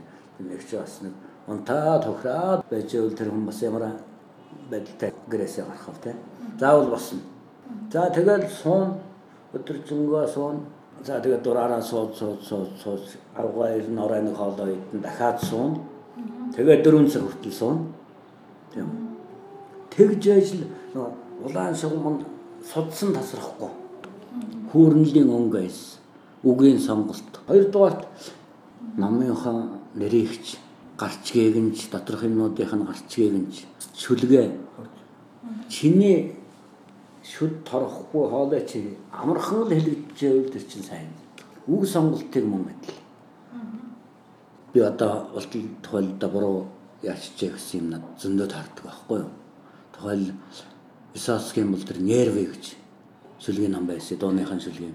Тэрнийг би бухимдал гэдэг нэрээр гаргасан. Одоо ингээд бодоод байхад бухимдал гэхгүй бачуурл гэдэг байж. Нөгөө л юугаа дахин дахин энэ энэ их сайхан үг байна Гэхэд үгүй тэгвэл энэтэй чинь синоним ижил утгатай ямар үг байдаг вүлээ. Эхлээ заавал орчуулах гэж байгаа намаа бүтнээр нь өөрөө заавал унш. Бүр нэгээс хоёр удаа унш. Тэгжээж нөгөө амин сүнсийг нь ойлгоно. Одоо шууд хөнгөн одоо бүжгэлж байгаа юм шиг явчихуу. Аль эсвэл Достоевский шиг тэгж хүн дээр явах юм уу энэ гэдэг чинь намын утгаснаа шууд ердөө өөний сайхан ном юм гүнлэгэнгүүтээ шууд бариад авдаг хүн байдгийг гэсэн шууд эхнээс нь ердөө бүтэн уншаагүй шууд орчийн тавиад орчуулаад эхэлдэг юм байдгийг гэсэн. Тэгж өрдөө болох. Тэгэхэд үгүй ядах наа тиймс айгүй гоё юм явж ирсэн. Тэрнийг тэгж нэрлэх юм шүү гэдэг. Дандаа бодолд орчихсон. За тэгээд ганц зөвлөгч нь одоо тэгээд юу юм чинь слар тойлогч юм чинь заавалч эргэлзээтэй үгүй заавалчгүй харж явах хэрэгтэй. Слар дээрээс. Одоо ч амар болчихоо дээ. Тойл би Брижасыг намайг орчуулж явах чинь бол надад тэр үед юу байгаагүй. Энэ ургамлын тойл эсвэл биологийн эрдэс юунуудын толж гэдэг юм уу тиймэрхүү юм Монгол толнууд энэ байгаагүй байхгүй юу. Ялангуяа тэр Виржас гэдээс чинь юуг яхад нэг өв сургамлыг хуучны орс үгээр биччихсэн.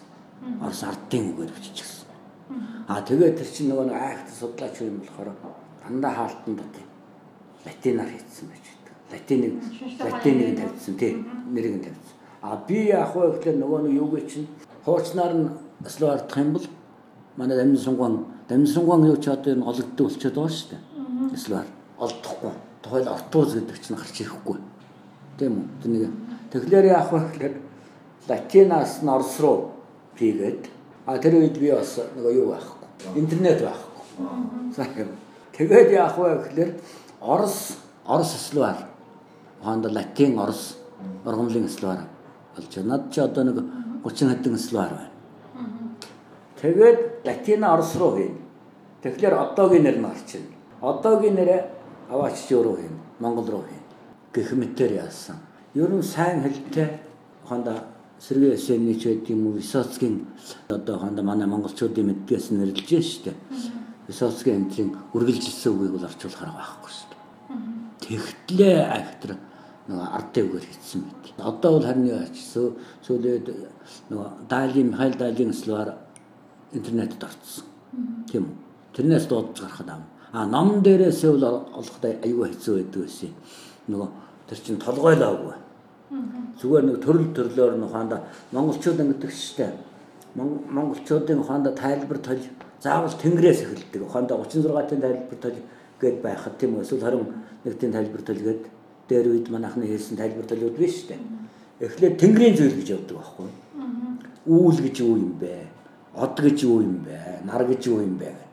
Тэгээд доошоо буугаад эхэлдэг байхгүй юу? Тэгээд тэр хүний биетэй энэ юу ч нэлээ сүүлээр орно шүү дээ. Тэгж ангилдаг. А хэн бас тэгээд хийцсэн байдаг байхгүй юу? Хоонда Михаил Дал тэр Толковый слар гэдэг дээр хормын зүйл. Тийм үү? Аль эсвэл байна юу замын зүйл. Тэ? Хүнсний зүйл. А гэтэл нөгөө нэг зүйл зүгнүүд чинь хормынхт нь орох юм уу? Хүнснийх нь орох юм уу? Толгой эргүүлээд ялгагдахгүй юм зөндөө биш гэх мэтийн хүндрэлүүд бол айгүй их байдаг. Тэр бүхнийг одоо тэгээд яах вэ? Монголтой дүйсэн үгээр буулгах. Ингээд хойлол орсууд ингээд тийхэн молотч хертис яд гэж байдаг. За юу. Болото болото гэж ухаанда намгийг хэлж байгаа. Бэг нь аваад хийсэн байт. Нөгөө ардын хаягаар. А тэрнийг манай хаяах вэ гэхлээр нөгөө нэг дугаа хүний даадах найтан гэж орчуулгаас шүү. Тэгж энэ төр орчуул. А гэтэл зарим юмн дээр тийм үү? Тойл манайханд нэг их явсан юу байдаг дээ. Юу хүлээд хангуй? Хаан таван цулын шил шиг сайхан юу байна гэж чимдүү орчуулсан гэдэг нэг юугийн чүлээ хэлээд байдаг. Тийм үү. Тэгэхээр тэгж бас орчуулах нь жоохон юу лээ тийм дээ нөгөө ясны шүл гэж орчуулсан. Ногоотой байсаатай шүлийг чүлээ. Тийм үү. Тэрнийг тэгж үгүй тэгэхээр одоо бас таван цулын шил гэж орчуулах нь жоохон хайшаа чим тэрнийг чинь мэдхгүй орос ахыг мэдхгүй хүн. Өө энэ юунууд чинь бас манайтай адилхан хонь гаргад юм байна. Гэдс дотрыг нь чанд юм байна. Тийм ээ? Таван цулаар нь шил хийдэг юм байна гэдээ ойлгох чинь штэ бас. Тийм ээ? Тэгээд ирэхээр яах вэ гэхлээр нөгөө өөрийн мэдрэмжил хамгийн чухал шүү дээ. Зүгээр манайхан айхтар том том нэр гарсан одоогийн нэр торсон орчуулагчдын юунд өстой зөөр үгнийх нь утгыг олоогүй тэдний нэрийг нь хэлвэл онцгой байлгүй дээ. Шууд өвчлээд болгочихсон. Инээ төрмээр байтугай уур хөрмээр юм аягүй гарч ирдэг байхгүй юу? Аа тэгэхээр Монгол зөөр сэцэн үгтэйгээ холбож байна гэд саяных шиг тийм үү? Оросуудын ярьж байгаа юмыг таван цулын шилгээд орчуулчих нь бас хаашаа юм мэдэхгүй. Манайх яг сайхан болгоод уншлаа гэж бодлоо гэдэг ч гэхдээ энүүгээр чинь дамжуулаад тийм үү? Цаад ард түмний цаад үндэсний ахыг бид нар мэдэж авч байгаа байхгүй юу? Тийм үстэй тийм тэгэхээр иймэрхүү ярихтай юмнууд зөндөл байдаг шүү дээ. Яаж орчуулах вэ гэдэг чинь их учиртай. Одоо нэг гарч байгаа номнуудын гол алдаа нь болохоор нэг үгийг үгээр зөөх, өгүүлбэрийг өгүүлбэрээр зөөх юм уу? Утга хамгийн гол алдаа за мэдрэмж уур амьсгал гэдэг юм яг харгацж үзтгүй юм шиг. Тийм тийм тийм тухайлбал тийм үү. Тухайлбал ухаанда Петр Асендовский дээр хүн аратан бурхад дээр тийм үү. Аль болох тухайн үед нь иймэрхүү хэллэгтэй өгүүлбэр ингэж төгсдөг байсан байж магадгүй. Гэхдээ энийг хүний ярианы хэлбэж нэг байна. Бичгийн хэлбэж нэг байна. Тэр алдаа ухаанда энэ алт ордны яруу найргийн найраг гэдэг дээр тэр өмнөх үгийн ялангуяа тэр нөгөө нэг Христийн шашны лам нарт зориулж гаргасан зарлиг энтрийг би за нэг иймэрхүү байх болов иймэрхүү өнгө аястай байсан байх болов хуучин Марко Пологийн хонда орчуулга иймэрхүү маягтай байдаг да. Энэ гэж бодож хэлсэн байхгүй юу? А гэтэл Марко Пологийн тэр нэг чи хэн эхэлж орчуулсан байх дээр Монгол нөгөө мөн асуударч маань эхэлж орчуулсан байдаг байхгүй юу? Бидэнд өөр үлгэр болох юм байхгүй. Тэрнээс сайшхыг нь бид нар мэдэхгүй. Тэгэхээр тэгж бодож хийх нь арай оновчтой байх. Тэрнээс ч байна 13 дугаар зууны Чингис хааны кинон дээр тэр асуудлыг дараа болъё. Энтэр гэсэн үг орчвол яах юм? Тийм үү? Тийм хүн ордог. Манайханд их ордог хуучны юун дээр одоо өстэй улаан цайм орчин үеийн сүүлд орж ирсэн, модлогдж орж ирсэн, утга шилжсэн тийм өгнүүдийг энэ хамаагүй хэрэгэлсэн байдаг байхгүй. Тэр чинь бас онорчгүй юм. Манайхан ч ингэдэг шүү дээ. Би Улаанбаатар явлаа гэдэг тийм үү? Европын хэлнүүд чинь би явлаа Улаанбаатар гэдэг тийм үү? Тэрнтэй адилхан л нөгөө нэг үгсийн байршил нэг тэгээд нэг хачин орчиход байгаа санагдаад байгаа юм да. Тэрнийгээ бас ялангуяа залуучууд орчуулгын байтугай одоо телевизээр зүгээр ярьж байгаа юмнууд дээр тиймэрхүү юм орчоод байж дээ. Тийм үү? Өгүүл хүнийг урагш нь аваач шаях ч юм уу? Өгүүлэг түүнийг аваач зүгээр ард нь аваачаад хийцсэн байх жишээтэй. Тийм үү? Өгүүлбэрийн үеийн эзнийг аваачаад нэгэн хайгуур оруулсан байх жишээтэй. Монголд чинь нөгөө нэг хэллэгээрээ болдог. Хэллэг сайн бол өнгө сайхан болдог, аяз сайхан болдог. Миний төрүүчийн хэлдгээр нөгөө тэр чинь гоё үг хэрэглэсэндээ тосон дээгүүр голох биш. Зохистой үгнүүд ойрхон ойрхон зөв байраа ажилласан нөхцөлд тосон дээгүүр голгож байгаа юм. А тэрнийг олохын тулд та нар яах вэ гэхээр амандаа нөгөө нямсрын шүлгээ уншиж байгаа юм шиг л битсэн тавьсан юм болгоноо дахин дахин унших хэрэгтэй. Уншиж үзэх хэрэгтэй. Нэг л биш санагдаад л байгаа бол за энэ чинь толцох болохгүй болчлоо. Тийм ээ. Ухаанд нэг сайхан хайрын дунд нэг баахан дээтэй өсөг орсон өгнүүд энэ төр орцсон байвал тэгэл хатуу санагдаад явчихдаг. Тэрний чинь судалгаа хэрэгтэй байдаг байхгүй. Манайд өнөөдөр утга зохиолын судалгаа гэж байхгүй болсон шүүмжүүл хамаагүй. Шүүмжээр үл юм олохгүй. Залуучууд судалгаа уншиж ижил сайхан орон зохиолч болон сайхан монгол хэлтэй бол. Үг нь байна хаанда энэ хүний манай дээр үеийн орчуулгууд чинь их сайн шүү дээ тийм үстэй. Тэгэхээр энэ хүний олдсон юм байх шүү гэдэг олдсыг нь ялгаад хийцсэн байвал шинээр яаж улсууд дадл их хэрэгтэй байдаг байхгүй. Тийм. Гадаадын шилдэг юмыг л орчуулахын гол ач холбогдол нь за нэг иймэрхүү юм байдгийм байх шүү. Чам таалагдахгүй намаа байхгүй. Тэгвэл Японы уран зохиол тийм үү?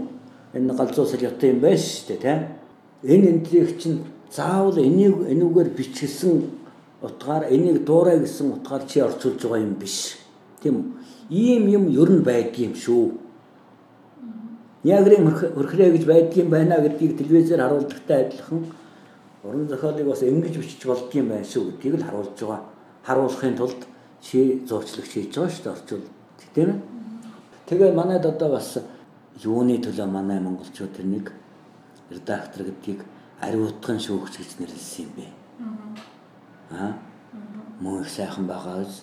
Тэгэхэд манайд одоо тэгээд нэгдүгээр төрхийн редактор дөх мөнгө төгрөг бидний чинь юу аах вэ? Хоёрдугаар бас редакторын ач холбогдлыг сайн ойлгохгүй. Редакторууд нь ч гэсэн хүний эрхөө ханддаг. Их сайн найзынхаа хүүхдийн орчуулгыг орчуу редакторлсан нэг хүн байдаг. Өөрөө их том зохиолч. Дэндүү хүний эрхөө хандсан. Үгүй ядахнаа үг өсгийнх нь алдааг засаад өгч болно шүү дээ. Тиймэрхүү энэ байж болохгүй шүү дээ. Ер нь бол нас явцсан мань мэтдүүл редакторлно гэдэг чинь хүний имийг авч хийснээс өөрийнхөө юмыг нохож ясна хамаагүй дээр байдаг л да. Тэрнийгээс бас боддог л байлгүй. Нэг тэрнийг бодсон бол тэгвэл угаасаа оролцохгүй л байх хэрэгтэй байхгүй. Тэгээ манай залуучууд чинь ном бичигт цоошнэр төлөвшөж эхэлж байгаа байхгүй юу? Нөгөө социализмын үеийн чиг шугам алга болоод одоо өөрсдөө бүх юмыг одоо жинхэнэ уран зохиол гэдгийг хийхин төлөө төлөвшөж байгаа учраас одоо залуучуудыг буруутгах ямар ч арга байхгүй ямар урсгал нь орж ирвэн тэр нь орж ирэг гагцхүү яхан чанартай бодож нэг өгүүлбэрээ үгүй ядахна тав дахин уншаарай. Үгүй ядахна тав дахин. Тэрнээс ч одоо манимет ч гэсэн зөндөө нүгэл явуулчихлаа. Нөгөө зөндөө алдаанууд эргээд харахад байж байгаа. Би тухайлбал хүн аратан бурхтыг 6 дахь удаага хавьсан тийм үү? 6 дахь удаага засвар хийж байгаа. Одоо 6 дахь удаагийн хавьл гацсан. За би тэрнээс Баабрын тэр нэг удаагүй чиглүүлсэн тэрэнд л би засвар хийгээгүй. Тийм үү? Бүгдэнд нь засвар хийж байгаа. Тэгэхээр манайхан ойлгодог байхгүй 6 дахь хавилд гэхий. Хавцыг нь сольсон байна шүү дээ. Өөр юу байгаа юм гэж ойлгодог байхгүй.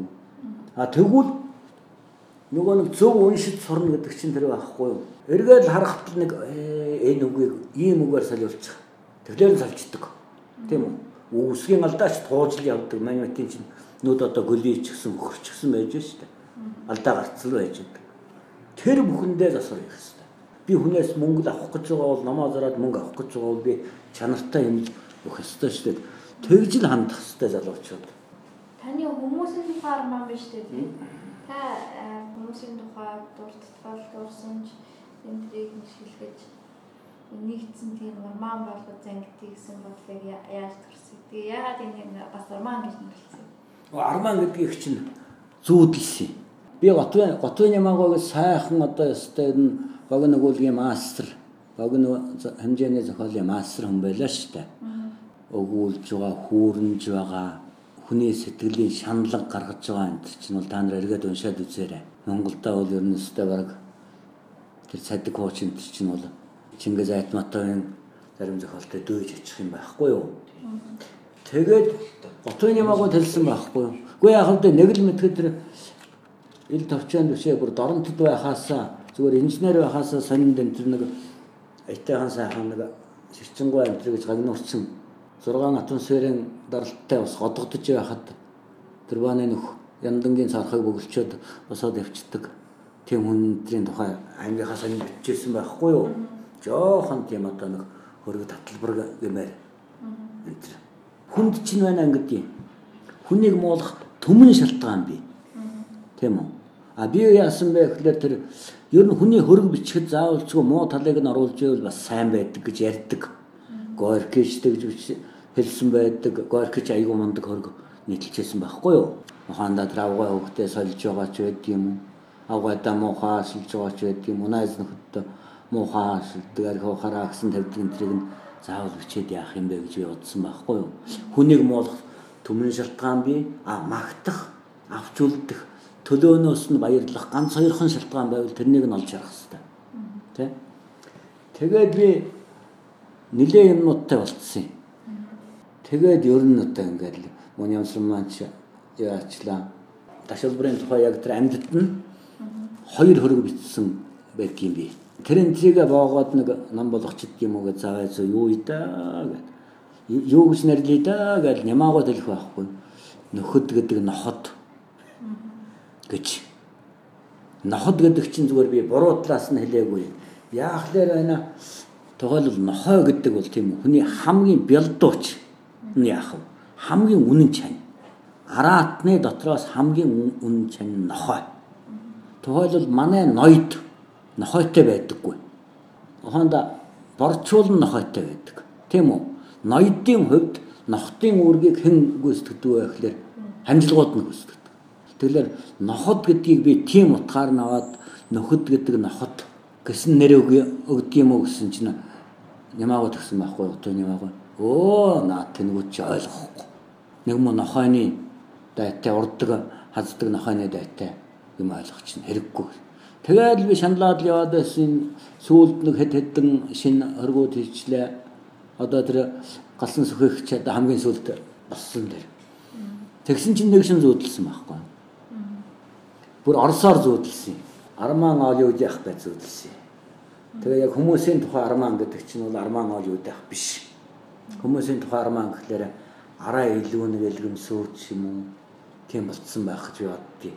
Тэгэл тийм нэр зүүдэлсэн яах вэ? Нэг шиг зүүдэлсэн. Нийлээд ухаанда тэр бүх юмнууд нийлээд нэг арман болцоо. Тэр чинь үргэлжилттэй. Одоо хоёр дахьыг нь хийх гэсэн чинь хуучин юмнууд нэг байтугай хоёр болчихоор дайны юмнууд байна. Сайн болсон юмнууд ч байна. Тэгвэл манай Шармигагийн тухай Батар Саратарын тухай энэ тэгээд нөгөө гой дагаж хүзүүгэлдэг шиг хажуугаар нь орох юмнууд нь гологдоод нэгдэг. Хоёрдугаар нэг одоо нэг дахиад биччихмээр хэд хэдэн сайхан хүмүүс байгаа маа. Тэрнийгээ би бичиж чадахгүй зовоод яваад байгаа юм да. Тэр мэйлс гэж нэг сайхан миний найз байсан дарамтын зураач. Монголын уран зурагт аюул амтдаг хүн байсан байхгүй. Тэр байна одоо энэ Абатэрд нь байна зураач. Энэ дуучин чимцээ байна. Энэ хэдэн актер хүний тухай би заавал босгоно гэж бодоод өөртөө яатсан Тэгэл хийж чадахгүй байгаа. Дараачаа гаргаж чадахгүй байгаа. За дараачихад тэгээд гурав дахьт нь оруулъя гэд тэднийг орхичвал тэгээд гурав дахь гаргаж чадахгүй наан мажин самаар ячихвал харин үстэй. Тэгээд их юм хийнгээ зориг тавьчихвал өгдөггүй юм гэсэн тэгээд тавиал яваад байгаа байхгүй.